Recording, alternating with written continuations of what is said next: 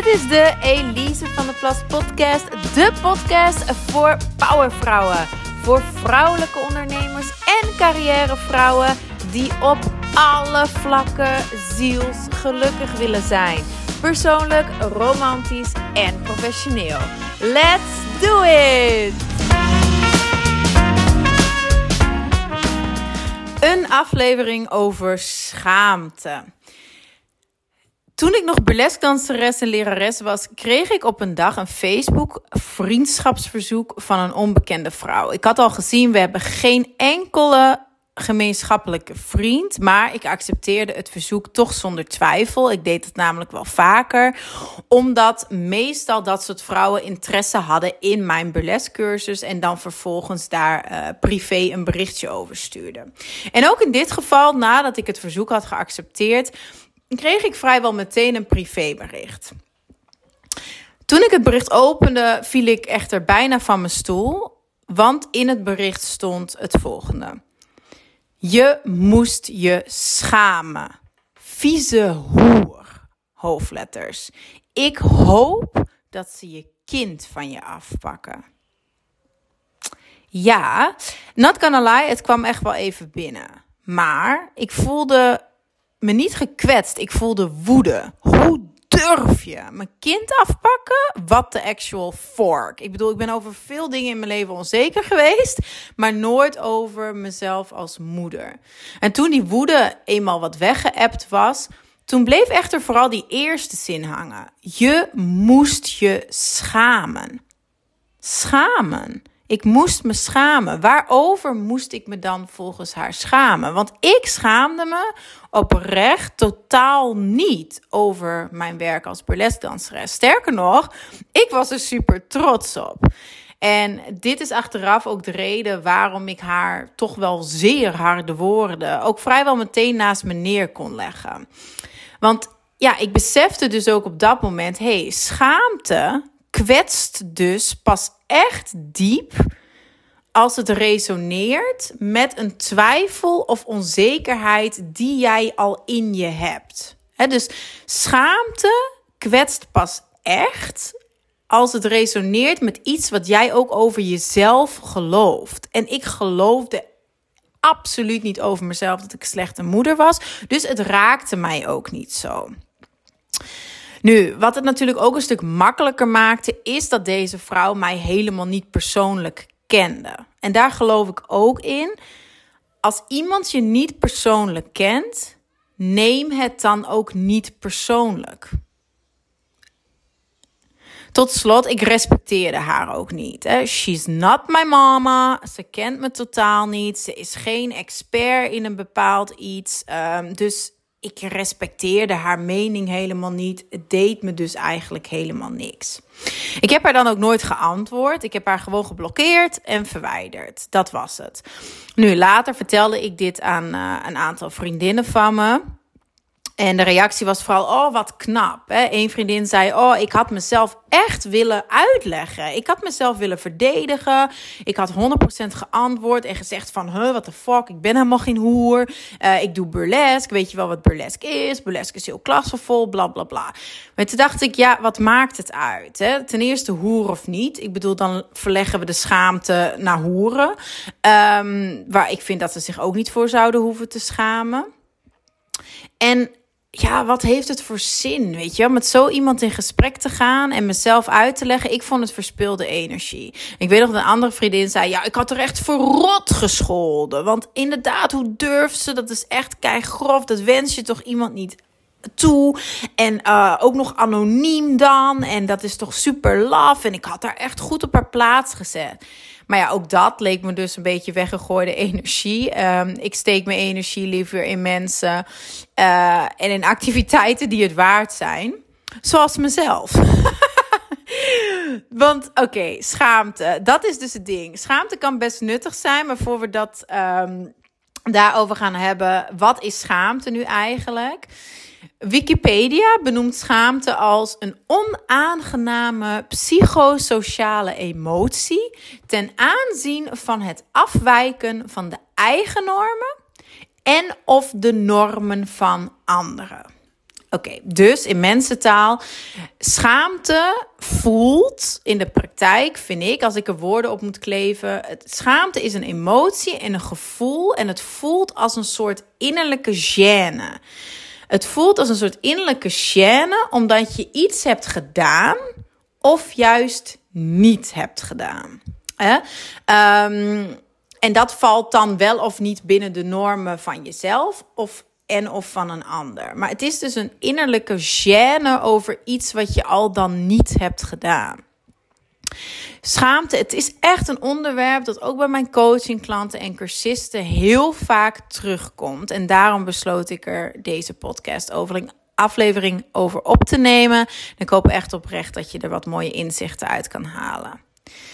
Ik zei het net al even kort. Schaamte is op zich best nuttig. Dus ik maak dan ook het onderscheid tussen gezonde schaamte, schaamte die je verder kan brengen, en valse schaamte of toxic schaamte. Schaamte die jou helemaal verlamt en die jou juist verder van jezelf afdrijft.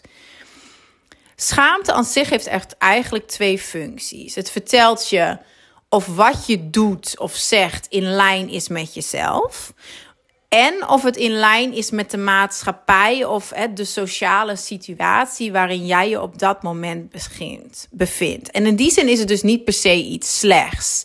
Maar waar het heel tricky wordt, is dat veel vrouwen dus last hebben van die valse schaamte. Ze ervaren gêne, verlegenheid of zelfs een diepe teleurstelling in zichzelf over dingen waar je je helemaal niet voor hoeft te schamen. Een aantal voorbeelden waar jij je dus niet voor hoeft te schamen is schaamte voor uh, je seksuele geaardheid of jouw seksuele fantasieën. Of voor jouw dromen aan zich, hè? Jouw algemene verlangens, doelen en dromen. Je hoeft je ook niet te schamen voor je afkomst. Je hoeft je niet te schamen voor je familie of je vrienden of je uiterlijk over jouw overtuigingen of de meningen die je hebt, de dingen die jij echt belangrijk vindt, jouw missie. Je hoeft je ook niet te schamen over je lichaam, jouw accent, je werk, hoe jij je kleedt, hoe arm of hoe rijk je bent, hoe slim je bent en ga zo maar door. Dat zijn allemaal dingen waar je je niet voor hoeft te schaamte, voor hoeft te schamen, maar die soms schaamte opwekken. Waarom? Omdat jouw ego je veilig wilt stellen. Ja, het gaat weer terug naar dat. Het gaat weer terug naar dat ego en dat soort oerinstinct dat we hebben om geaccepteerd te willen worden door anderen. Want als je niet geaccepteerd wordt door de groep, ja, dan val je dus buiten de groep. En vroeger was dat echt een kwestie van leven of dood. Um, en dat zit nog altijd in ons. Dus je ervaart schaamte op dat moment als je anders bent dan iemand anders anders bent dan de groep of de maatschappij of de huidige hè, uh, norm die er heerst, dan ontvaar, ervaar je schaamte als een soort waarschuwing, hè? als een soort signaal van hallo, alarm, alarm, je valt buiten de groepsnorm, alarm. Nou, en dan is het dus een kwestie van je, voor jezelf na te gaan van, oh, ga ik daarin mee? Van, oh my god, alarm, ik pas me aan.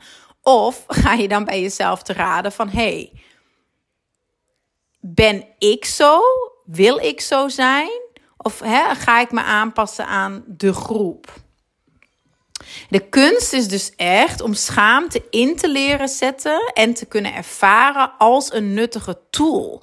Als een persoonlijke ontwikkelingstool in plaats van als een verlammende emotie. Ja, dus de kunst is echt om schaamte in te zetten als een middel om meer tot jezelf te komen, in plaats van een verlammende emotie wat je juist verder van jezelf afbrengt.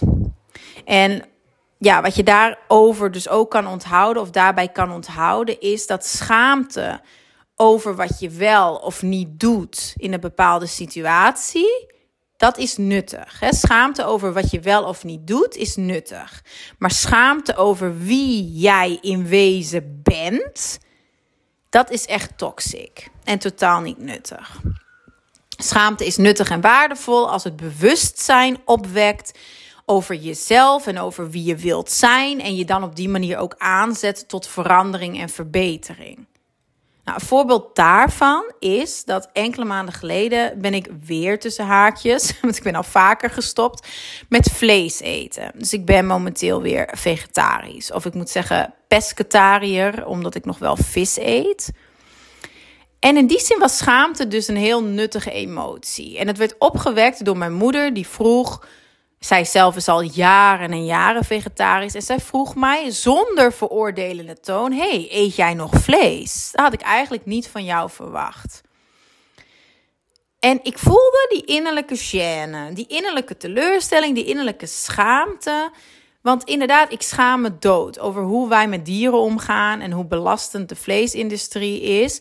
Maar ik ervaarde vooral die innerlijke schaamtegevoelens echt als een innerlijke emotie. Niet als een opgelegde externe hè, wijzend vingertje, maar echt als een innerlijke schaamte, omdat het inderdaad niet resoneert met wie ik ben, vlees eten. En het resoneert ook niet met wie ik wil zijn. En daarom dat het op dat moment heel makkelijker was heel makkelijk was voor mij om die schaamte-emotie om te zetten in een gerichte, geïnspireerde actie. In alignment met wie ik wil zijn. En tada, ik ben nu alweer maanden vegetarisch. Dus de volgende keer als jij je schaamt, kun je je dat dus ook afvragen. Hè? Is dit een innerlijke, gezonde schaamte? Of is dit een externe, opgelegde, valse schaamte? En als jouw schaamtegevoel oorsprong vindt in het feit dat het niet past bij de waarden en de normen van de maatschappij, of een bepaalde groep, of cultuur, of religie, of zelfs de persoonlijke mening van één iemand, ja, graaf dan een stukje dieper. Want dan kan het ook totaal ongegrond zijn en dan kan het jou onnodig klein houden. Het is echt heel jammer als je door altijd rekening te houden met de reacties van anderen en met hè, de, de, de maatschappij en met zoals het heurt tussen haakjes. Dat is heel jammer om zo te leven, want dan ben je nooit volledig vrij om jezelf te zijn. En dan gaan mensen ook nooit jou volledig kunnen zien en leren kennen. En dan ga jij ook niet ja, die beste versie van jezelf kunnen zijn. Side note hierbij is dat je ook niet moet ambiëren om schaamteloos te zijn. Dus dat is iets anders. Schaamte, heel veel schaamte ervaren, dat wil je natuurlijk niet, want dat werkt heel verlammend. Maar je wilt ook niet schaamteloos zijn. Want schaamteloos, ten eerste, dat kan eigenlijk niet echt. Ik denk dat het dan een altijd een beetje nep is. Als iemand roept: Oh, ik schaam me nergens voor. I don't give a fuck. Hè? Dat, dat is niet authentiek. Uh, want schaamte is een emotie die we allemaal als mens ervaren. En die schaamte is ook niet iets wat je dan moet onderdrukken, hè? wat je moet verdoven. Uh, het is namelijk gewoon ook een, een sociale antenne. Hè? Die zegt: Hey meid. Uh, zou ik op dit moment niet doen? Zou ik in deze situatie even laten? Of let op, dit past niet bij jou. Dit dient jou helemaal niet. Zo wil jij helemaal niet zijn. Dus die sociale antenne, ja, die hebben is op zich helemaal niet slecht. En ik merk als mensen zeggen, ik schaam me nergens voor, I, give zero fucks. Ik zei het al, het is, het is niet authentiek. Maar dat zijn vaak ook de mensen die diepe verbindingen uit de weg gaan. Met zichzelf en met anderen. ze overschreeuwen zichzelf, ze bouwen een muur rond zichzelf om die intieme gevoelens, waaronder dus schaamte, uit de weg te gaan. Maar schaamte, verdriet, kwetsbaarheid, dat kunnen dragen, dat is pas sterk. Net als verantwoordelijkheid nemen voor je fouten trouwens. Iets wat ook bij schaamteloze mensen nog wel eens lijkt te ontbreken. Zo hoorde ik ook ooit iemand zeggen: Ja, ik ga geen sorry zeggen, want ik schaam me niet voor mijn fouten. Het is hoe ik ben, hè? take it or leave it. Iets in die trant. Toen dacht ik gelijk: Ja, leave it then, bye bye.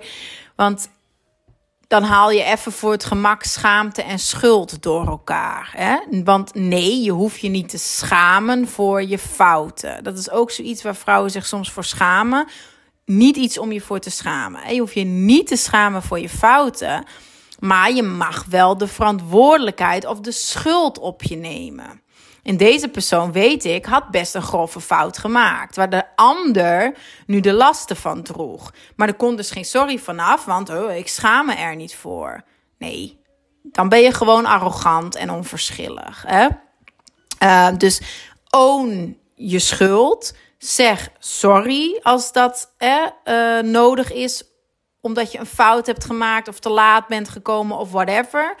Maar ga je er niet vervolgens nog een maand over schamen. Hè? Want dat is dan weer uh, minder gezond en minder waardevol. Nu, ik ga afsluiten. Aantal vragen voor je. Kijk, wat zou jij nou anders doen als je enkel nog gezonde schaamte zou ervaren? Ask yourself: zijn er dingen die jij niet doet uit schaamte dat een ander daar een negatieve mening over gaat hebben. Of dat die ander jou dan raar vindt. Dus zijn er dingen die jij niet doet uit schaamte. Maar zijn er ook dingen die jij juist wel blijft doen?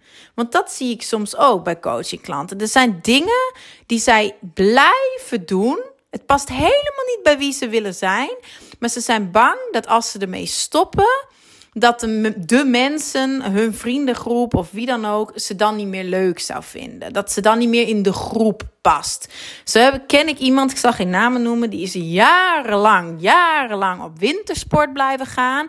In de winter. En uh, in de zomer ging ze dan met de backpack uh, door Australië. Want dat was de trend en dat was wat iedereen deed in haar vriendengroep. Maar zij wou het helemaal niet. Het paste totaal niet bij haar. Maar ze voelde zoveel schaamte over het feit dat zij dacht: Oh, ik ben eigenlijk een luxe poes. En ik wil echt gewoon niet in een tent slapen voor mijn lol. Um, dus ze bleef dat doen. Ze bleef dat doen omdat dat de norm was in haar vriendengroep. En dan viel ze dus op dat moment buiten de groep als ze daarmee zou stoppen. Dus wat blijf jij doen terwijl je het niet wil? En welke dingen doe jij niet of zeg jij niet? Allemaal uit schaamte. Nou, lieverd, ik ben er volgende week vrijdag weer voor je met een nieuwe aflevering hier bij de Elise van der Plas podcast. Where else? Uh, mocht je me niet zo lang kunnen missen, dan kun je natuurlijk tussendoor een kijkje nemen op mijn Instagram, Elise VD Plus of de website elisevdplus.com. Momenteel zijn er trouwens nog twee plaatsen om persoonlijk door mij gecoacht te worden naar jouw beste, meest leuke, meest vervullende leven. Dus plan gerust een kennismakingsgesprek in als jij daar helemaal klaar voor bent. Heel veel liefs en tot snel. Bye bye.